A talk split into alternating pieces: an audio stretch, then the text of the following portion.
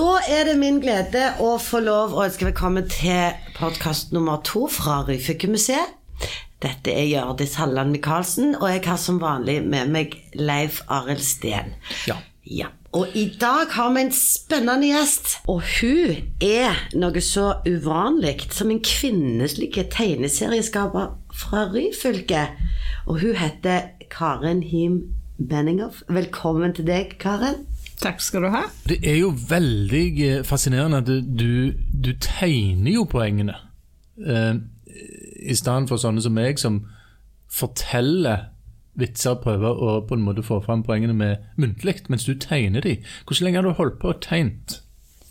Nei, tegnt det har jeg vel gjort eh, hele livet, siden jeg var liten. Og så har jeg nok bare fortsatt eh, fram til voksen alder. Men eh, å tegne løgne ting, eller komistriper, er noe jeg har begynt med i godt voksen alder, etter jeg var 30.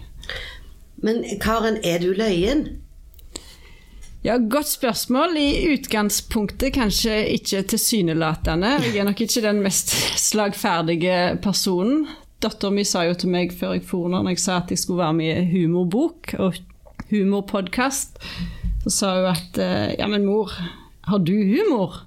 Eh, så jeg tenkte jo litt over dette her. og jeg, var, jeg, er jo i utgangspunktet en ganske alvorlig person. da, I, si, ung alder så forsto jeg humor voldsomt dårlig. Jeg tok alt voldsomt seriøst.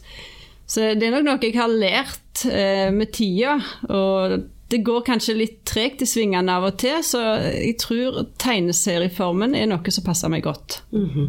Men du er lærer. Det er du utdanna som, og det jobber du som. Hvor, hvor henne er det du er lærer? Ja, jeg jobber på, i Sauda videregående skole, på den avdelingen som ligger på Sand, Toppvoll i Norge. Ja. Så der jobber jeg som eh, historielærer og toppidrett som ja. fag.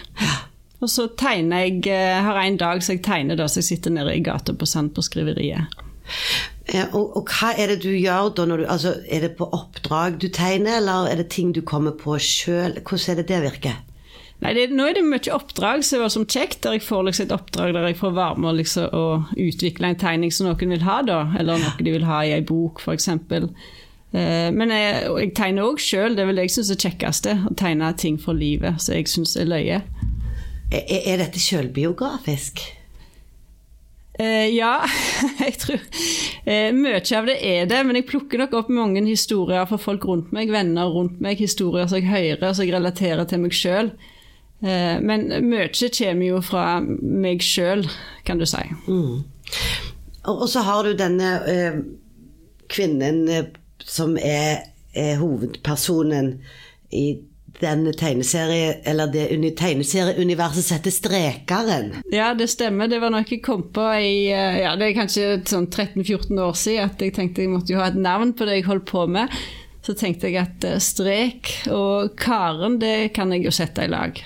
Og da ble det Strekeren. Ja, det stemmer. Og hvor lenge har Strekeren eksistert? Ja, den har vel eksistert siden to, 20 tolv, kanskje. Rett etter jeg ble mor, nokså fort. Men hva er, hva er hvis, hvis, jeg har eh, Du tegner, du tegner driver med humoristiske tegninger. Og hvis jeg vil ha tegnet um, altså hva type Kan jeg komme med hva som helst vitser, og så tegner du, tegner du de? Nei, altså det kan jeg uh, gjøre, uh, men jeg syns det er kjekkest hvis jeg skjønner poenget sjøl og syns det er løye sjøl. Så får jeg liksom mer lyst til å gjøre det, og da blir det løgnere. Jeg har fått mange sånne tips om ting jeg kan tegne, så når jeg ikke kjenner helt uh, nerver i det, så er det litt vanskeligere, syns jeg. Ja, ok, Så hvis jeg hadde kommet og fortalt deg en vits, uh, og så syns du ikke den var løyen, ja. hadde du sagt det da? Den var ikke løgn? Nei da, jeg hadde bare sagt at uh, ha-ha-ha. det går ikke. skal se på det. ja, stemmer. Men la oss gå litt tilbake i tid her, fordi at tegneserier har du vært glad i helt siden mm. du var liten. Og du var spesielt glad i Sølvpilen. Ja. Fortell. Nei, det var jo altså Sølvpilen eh, var jo et blad som ble gitt eh, ut fram til 1992, da jeg var tolv år. Og i de åra før det så var jo det den beste tida, den, eh, hver tirsdag når det bladet ble gitt ut. Eh, så jeg ble jo voldsomt fascinert av dette universet med indianere og cowboyer, og jeg kunne jo alle indianerstemmene i hele Nord-Amerika. eh, Jeg ble jo liksom tegnet alle indianerstemmene, så det var liksom der tegningen òg begynte. da. Så Jeg begynte med hestene, og så begynte det med indianerne, og så eh, historiene i eh, Sølvpilen. Så jeg var voldsomt fascinert. Så hver eh, tirsdag så sprang jeg ned fra haugen på Sand der jeg bor, og så ned i gata på en butikk som heter Mikkelsen, og så sprang jeg og så henta, henta, eller kjøpte det bladet. Så det var en lykkelig dag. Sølvpilen var jo et eh, veldig kjekt blad. Eh, Ja. Og det var jo ei der som heter Månestråle. ja. Jeg var jo fascinert av hun eh, For hun, hun, var, hun var jo ganske flott. da. Men så kunne hun Hva var det hun kunne? Karate? Nei, Nei, hun kunne judo. Hun var jo liksom, slo jo alle i judo. Eh, Men jeg har jo også sett i seinere tid, jeg la ikke merke til det da jeg var liten, men hun har jo voldsom utringning og voldsomt korte skjørt, eh, og så kunne hun liksom judo. Eh, Så om det hadde blitt gitt ut i dag på samme måte, det vet jeg ikke, men ei tøff dame. veldig, var veldig det. utfordrende kledd. Ja, det var hun nok. mor. Det husker jeg ingenting av. Jeg husker kun eh, Ja, men, men, eh, så, men hvis det skulle vært en, en uh, suldalsk variant av Sølvpilen Hvem, hvem skulle vært månestråle? Men Suldal eh, det, Jeg må jo bare igjen altså Suldal har jo Norges fineste lakseelv. Ja, det er jeg enig i. Ja. Eh, og ja, du fisker laks sjøl òg? Eh, Ja, eller jeg har prøvd det. Det er ikke så lett å få tak i denne laksen. Har, du- har du hørt det? Nei, Han er veldig vanskelig. Jeg har vært mange år i Suldal og fått altfor lite laks. Men eh, har du hørt uttrykket Suldalstryne? Nei, ikke før du sa det nå. Suldalstryne, det er det ansiktsuttrykket som fiskere har etter å ha vært i Suldal uh, uten å få laks. Så kjører de hjem med Suldalstryne. Ja. Det skulle du prøvd å tegnet.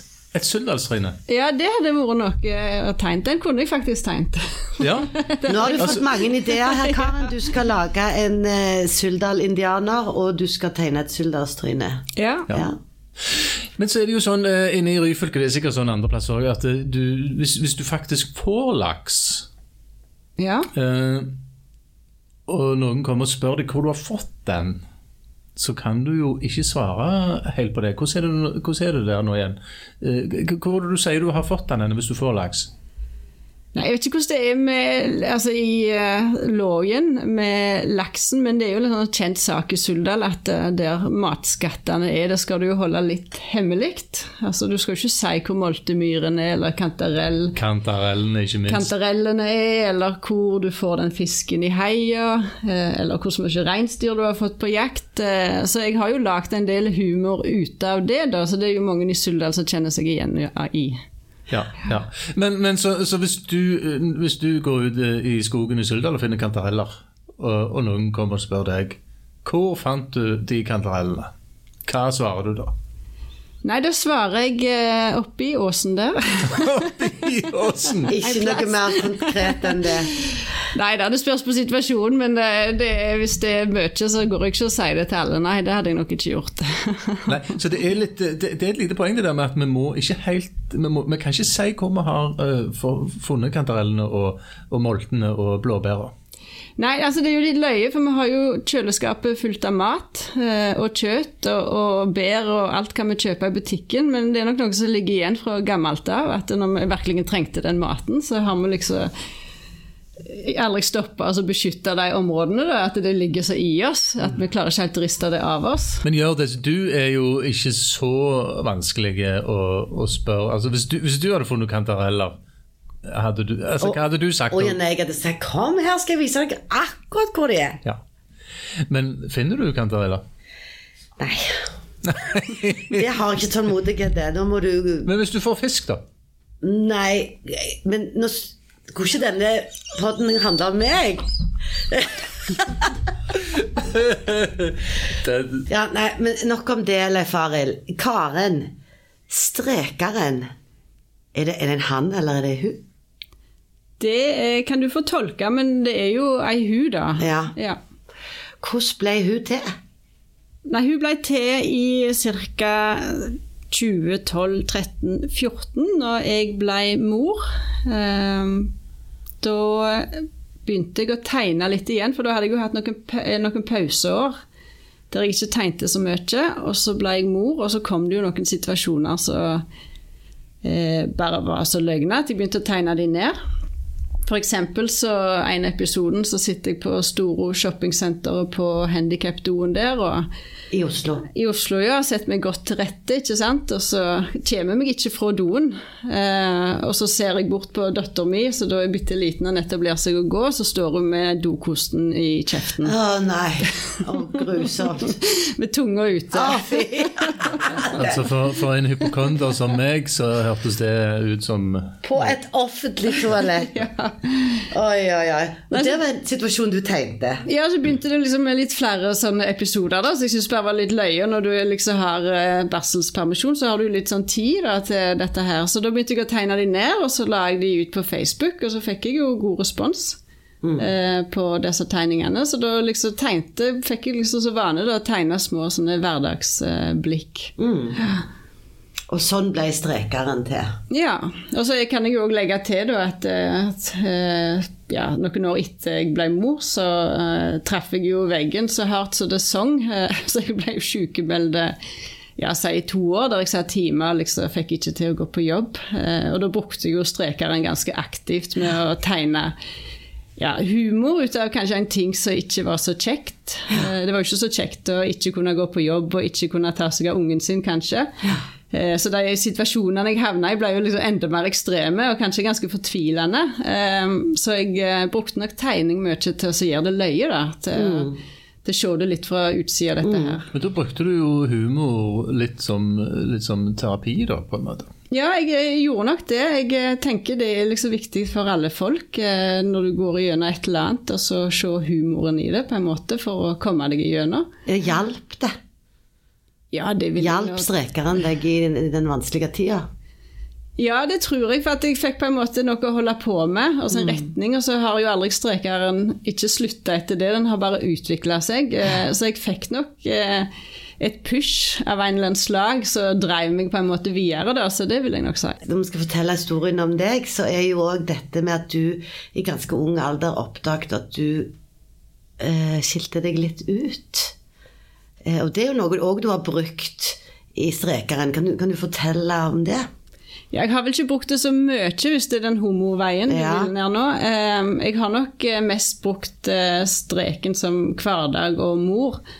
Eh, Men så har jeg jo havna i situasjoner der altså Det er ikke alltid like kult å være homo, og du får jo høre liksom mye. og det eh, så jeg har nok brukt strekeren i å kanskje utdanne folk litt, eller bare liksom på en harmløs måte prøvd å fortelle hvordan det egentlig er. Eh, å være i den situasjonen uten på en måte å angripe noen. Eh, så tegner du kanskje en løyen strek eh, for å mer vise eh, hvordan det er. Så det har jeg nok gjort. Men det har mer vært en ting som jeg føler jeg eh, føler jeg, Selv om jeg ikke har likt det så godt, så har jeg følt at jeg, jeg må jo bare gjøre det. For jeg vet ikke hvordan annen måte noen skal forstå dette her på. Um, har du fått tilbakemeldinger? Har de, har de forstått det? Det vet jeg ikke. Eh, det er jo algoritmene som styrer hva folk får opp, men jeg fikk jo, jeg lagde en historie i fjor når den eh, Oslo-skytinga var, på Homsebar. Eh, Og jeg kjente jo det gikk jo inn på meg, for det liksom går jo inn på meg som og familien som jeg har stifta, alt det der. Så jeg eh, Det var jo en alvorlig sak, men da satte jeg meg ned liksom dagen etterpå så tegnte jeg en sånn lang tegneserie om hvordan det var å være homofil. Eh, For ofte så får du liksom fra folk som ikke har sett seg inn i det, så sier de jo ofte at det er jo et valg ikke sant, som du tar. Eh, Og det er ikke noe valg du tar, det er jo sånn folk er. Det er ingen ungdom som har lyst til å skille seg ut og gå den kanskje ja, vanskelige veien som det kan være. Selv om det er lettere nå, da. Men, men for det var jo en vanskelig vei for deg, for du fortalte jo den gang at når du oppdaget at du hadde trukket homokortet, ja. så var jo den som å bli ramma av en liten eh, katastrofe. Det er ikke liten katastrofe, det er enorm katastrofe. Det, det, når jeg så, eller skjønte hva vei det gikk, eh, så tenkte jeg nok på alle utveier enn å gå ned den der homoveien. Mm. Når du vet eh, hvordan folk eh, snakker, snakker, om det. Så det var nok en fortvilende situasjon i mange år, det var det nok. Men, men så fortalte du meg om en ganske fin opplevelse eh, eh hvor du var i begynnelsen av 20-årene, kanskje, hvor du kom hjem med kjæreste. Eh, ja. Og da, det grudde du deg veldig til. Men så hadde du en opplevelse i gata i Suldal som ble ganske fin. Ja, for jeg studerte jo i Australia, så jeg eh, fikk meg jo kjæreste der nede. Eh, ei eh, fra eh, New Zealand, så hun var jo helt mørke i tillegg. Og så kom jeg egentlig hjem med henne uten at så mange visste at jeg var homo. så jeg klarte jeg grua meg jo til det. og så gikk jeg liksom ned i gata med litt sånn åh, hva skjer nå? så var jeg ute på fest på puben, og da, da husker jeg det kom en en litt eldre kar, da, så jeg, alltid når jeg var liten, så sytte jeg litt og gå forbi han, for han kunne alltid slenge ut noe. Så når han eh, kom gående, da, så tenkte jeg oh, hva, hva kommer nå? Og så kommer han bort, og så ser han på meg, og så ser han på dama mi, og så Kult, Karen. Kult at du klarer å være deg sjøl. Fantastisk. Ja, det var herlig. Ja. Ja, for det, Ryfylke-humoren har faktisk i seg dette her å ta opp litt sånn uh, Hva skal du si? Litt vanskelige ting òg. Typisk ryfylkesk ting å si er jo uh, Har du ikke vondt noen plass, så er du død. Ja. Og det, det på en måte rommer mye. Men, men, så er det en annen ting jeg har tenkt litt på. Når vi jobbet med denne boka her, så ville vi jo selvfølgelig ha balanse kvinner og menn, ikke sant? Er ikke mange kvinner som driver med humor i Ryfylke. Men vi fant Karen og Strekeren. Ja. Og så tenker jeg er det, er det, Hvorfor er det så få kvinner som driver med humor i Ryfylke? Er, er, det, er det lite kvinnelig å være løyen? Ja, altså det er jo et litt komplekst spørsmål. Jeg må bare tenke hvordan jeg sjøl har begynt å dreve med humor. Eh, og når jeg var liten, eh, så husker jeg jo det at eh, når guttene gjorde løgne ting, så skulle du jo le, ikke sant, med jenter. Var det kjekke gutter som gjorde løgne ting, så måtte vi iallfall le. Eh, jeg forsto jo ganske lite humor da jeg var liten, men liksom det, det, skjønte jeg at uh, du skal le av spøkene. ikke sant? Og sånn har det liksom vært litt hele livet. Du skal jo liksom le av disse Spesielt menn da, som sier løgne ting. En bekreftelse. En bekreftelse mm. ikke sant? Så jeg tror det kanskje ligger mer i Hvis vi kan snakke om kjønnsroller, så tror jeg det ligger mer i mannen sin rolle, da, altså være humoristiske. Mm. Uh, vi har jo hatt uh, våre altså, Kvinner har jo vært lenge på kjøkkenet i flere mm. hundre år, tusen år. Eh, så jeg tror liksom for mannen sin del så har vært ute av huset, så har humor vært en viktig ting da, for å mm. holde taler, for å drive diplomati, for å drive med alt slags mulig. Eh, så tror jeg mannen har kanskje fått utvikla den arenaen på en helt annen måte. Mm. Og så er det jo slik at vi kvinner, når vi kommer oss ut av dette kjøkkenet på 60- og 70-tallet, så vil liksom vi òg være med der, da, men det har liksom blitt mannen sin arena. Eh, og det å f.eks. ta risk, eh, det er jo noe som ligger mer i mannens natur, tenker jeg. akkurat det når det gjelder humor. Mm. altså det når du skal ut på date, f.eks., så sier jo ofte en Ei dame vil jo oftere si at eh, fremtidige mannen min må jo få meg til å le, ikke mm. sant? Mm. Mens ei jente, en gutt, vil kanskje ikke si Nei. det. Eh, han vil kanskje si at ei fremtidige kone må jo le av meg, ikke sant. Ja. Så jeg tror det har bare blitt uh, altså Menn har hatt mer rom da for å utvikle ja. denne scenen. Uh, det betyr ikke at kvinner og menn ikke er like løgne, for det er de. Jeg ler jo like mye av ei kvinne som jeg gjør. Eller jeg ler kanskje mer av kvinnelige komikere, ja. for de treffer meg uh, mye bedre. Ja. Det, det, er veldig interessante poeng. Og, og Leif Arild, dette har jo du gått litt i dybden av. I, du har et kapittel i, det om, i boka vår om eh, kvinner og humor. Er, er damer løgne, Leffi? Jeg vil si damer, eh, spesielt Ryfylke-damene, er løgnere enn menn. Hvorfor er de løgnere enn jo, de andre har, damer? De har disse her eh, kommentarene. Så det er helt rett det med at det er jo altfor få eh, damer som, og i Ryfylke som driver med humor. For de, de, de, kunne gjort det kjempegodt på, på alle verdens scener.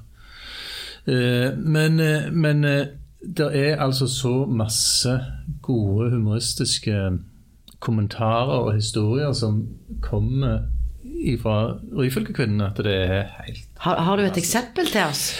Ja, altså De kommer ofte med sånne litt sånne små giftige kommentarer. Giftige gåseøyne. Altså, øh, Kona mi, da, for eksempel. Jeg ville ha meg en trim, kjøpe meg en trimsykkel. Jeg er jo 50 år og, og ikke slank. Så jeg kunne tenkt meg en trim... Jeg ville hatt en stasjonær sykkel, sa jeg til henne. Så sa han er ganske stasjonær, den du har ute i garasjen. For eksempel.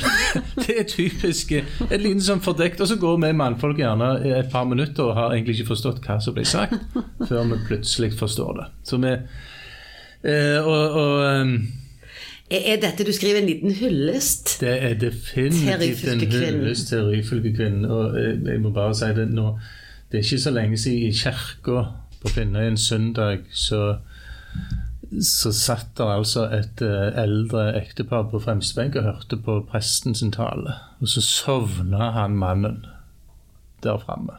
Og så ble presten så stressa av det at han sa, mens alle andre hørte på Kan du ta så vekke han mannen din, for han snorker.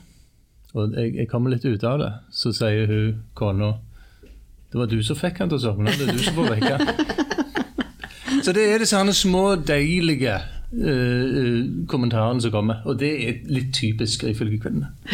Men de må opp og fram, altså. Det må de. Ja, for jeg tror det er liksom noe med det at eh, altså, humoren er der jo. De, altså, det er mange herlige historier, mange gode kommentarer. Men det er liksom det altså, å, å tørre da. Tørre å ta den risken. For du, altså, det som er humor, du får jo umiddelbar tilbakemelding. Eh, og det er ganske skummelt, eh, kan være. Eh, men det forandrer seg jo. Det er jo både i tegneserieverden og humorverden, så er det jo, blir det jo mer og mer kvinner. Det tar bare litt lenge, altså det tar bare litt tid, som med alt annet. Men det er jo som du sier, hvis du, er, hvis du skal på date, så vil jo kanskje ikke det store på en måte, trikset mitt være å være klovn. Nei, Altså, som eh, kvinne. Som kvinne. Nei. Sant? Det slår ikke an. Og hvorfor er det blitt sånn, liksom? Nei, hvorfor er det blitt sånn? Jeg tror, eh, altså Er du en pen mann, eh, Så er det nok, liksom? så er det nok. Men er du, også, altså, du kan òg være mindre pen og ha humor. Eller du kan spille gitar, ikke sant? Så, så trenger du ikke være så pen. Han er ikke så pen, men han er løyen. Han er løyen, ikke Ja. sant? Jeg vet ikke om du kan si den setningen om, om ei dame. At, Hun er ikke så pen, men hun er løyen. Nei, det løyen, høres ja. ikke bra ut. Kona mi sier at jeg er naturtalent i å spille dumme. Ok. Det, det, Det er et kompliment, eller? ja, det er det jeg lurer på. Jeg lurer ennå på det. Det har du lurt på i 25 år og lurer fortsatt. Klarer du, Karen, å gi en, en eh, lettfattelig karakteristikk av Ryfylke-humoren? Ja, Den humoren som jeg spesielt tenker er for Ryfylke, som jeg har med meg, det er jo de kvinner og menn som er fantastisk gode til å fortelle historier. Som lever seg inn i historien og kommer med et veldig godt eh, poeng på slutten. Eh, og du må gjerne legge på litt. Eh, det er kanskje viktigere enn sannheten, eh, så historien blir god. Så, ryfylkingen de er gode historiefortellere. De bygger, bygger historien opp eh, mot et klimaks, nærmest. Ja, det stemmer. De, de lever seg inn, og de forteller på en måte så du sitter liksom helt med og skulle nesten tro du var der sjøl. Nå tenker jeg på det, Karen, at når vi sitter her og snakker om, om deg og tegningene dine, så er det sikkert mange som lurer på hvordan ser denne strekeren ut? Eh, hva kan vi gjøre da? Da kan du eh, gå inn på Instagram og skrive inn Strekeren, eller på Facebook på Strekeren, så legger jeg ut ganske ofte der. Og følger deg der. Ja. Supert, Karen. Dette var veldig lærerikt og interessant. Leffi, hva sier du? Det var veldig uh, kjekt å høre på, på deg. Uh, men, men du er òg på Finnøy med det her vi sitter nå og spiller inn denne poden, og du kan jo ikke reise hjem uten å få med deg tomater. Så jeg har uh, faktisk ordna noen sånne juanita, sånne små søte, vet du, fra Lausnes gartneri, så du skal få med deg hjem. Super, takk skal du ha. Bare hyggelig. Takk for at du kom. Sjøl takk. Takk for at jeg fikk komme. Og vel heim. Vel, hei.